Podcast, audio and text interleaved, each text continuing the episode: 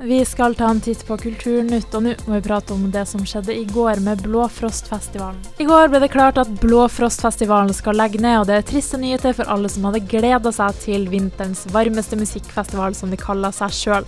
Det er jo veldig synd, det er jo veldig gøy at det skjer noe i Bodø om vinteren også, ikke bare i sommerferien. Og i går så ble det klart på deres egen Facebook-side at de rett og slett er nødt til å trappe ned, og Blåfrost i februar 2024 blir altså avlyst.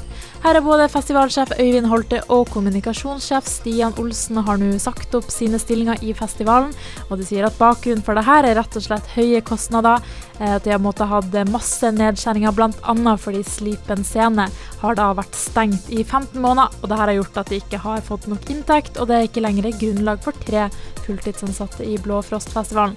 Noe som er veldig synd at det ikke blir festival i februar, men for de som er bekymra for Sommerblå, da kan vi si at Sommerblå det blir det forhåpentligvis noe av.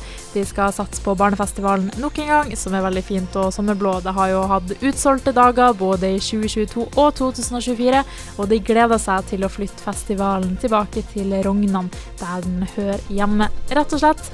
Så det blir jo interessant å se hva som skjer i framtida for Blåfrost. Per nå er det i alle fall avlyst i 2024. Og så blir det spennende å se om Blåfrost går videre, om det blir noen flere festivaler, om det blir i Bodø, eller om det holder seg på Rognan. Det er jo kjempebra at sommerfestivalen fortsatt får gå, altså Sommerblå for barna, for det er jo fint med dette tilbud. Jeg syns det er ganske unikt tilbud det de har i sommerferien her, da. Så vi krysser fingrene for Blåfrost videre.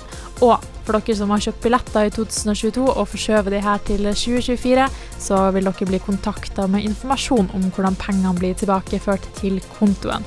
Så vi sier takk for alt så langt, Blåfrost, og lykke til i framtida.